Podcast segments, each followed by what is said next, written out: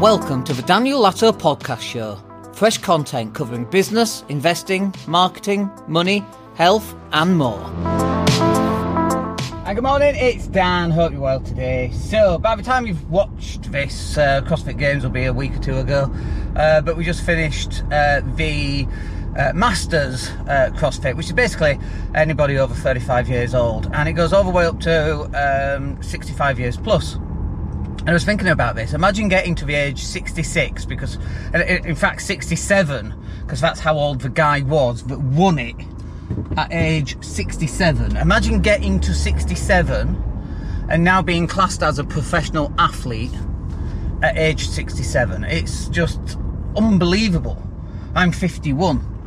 And for me to get into that age group is another, what, 13, 14 years. And I'm like, that's an interesting target to have. Talk about long term goals. Could you get to be an athlete, no matter what your starting point is? My starting point was 15 months ago. Uh, overweight, fat, very, very unfit, unable to do pull ups or rope climbs, now handstand push ups. Now can do all of that in just 15 months. Imagine where you're going to get to in 15 years. It's quite an interesting idea, isn't it? It's like, well, could I become a professional athlete later on in life? And I just find it really interesting as a conversation. You know, you turn up at a party and someone says, oh, you look, you look fit for your age. Yeah, I'm a professional athlete. Oh, how old are you? I'm 65. And I just think it's amazing. And obviously, you know, CrossFit for me has been life changing. We talk about it quite a lot. We do it almost every morning. And that continuous improvement for the next 10 to 15 years. And obviously, we liken everything to business because really this is a business channel, not a CrossFit channel.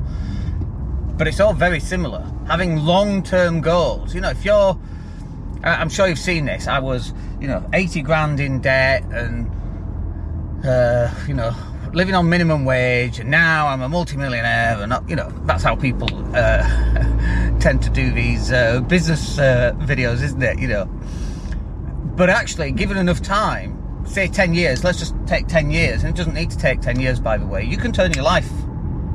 It's not turn it around, it's not as quick as that, but you can definitely change your life over a 10 year period. What's interesting to me is over what period can you change your life around? What about five years? Definitely. What about three years? Bit more of a struggle because if, if you're a 35 stone man, can you in three years get rid of all that so that you're now 13 stone? And, and of course, the answer is yes. Of course, it is a little bit tighter in just three years, but in five years for sure, and in 10 years, absolutely 100%. So I, don't know how old you are, obviously, but if you're 25, 35 sounds ancient. I'm 50, uh, one, and 67 sounds ancient. That's 16 years away. But I've got an opportunity now to go out and do whatever it is that I want to go do and I've got plenty of time to put the effort and the time and have the goals set so that I can actually go and do that. Anyway, I just wanted to share that with you because I found it so interesting. We are just pulling up at CrossFit. It looks very busy this morning, and uh, we'll catch up with you on the next one. Have yourselves a wicked day. Take care.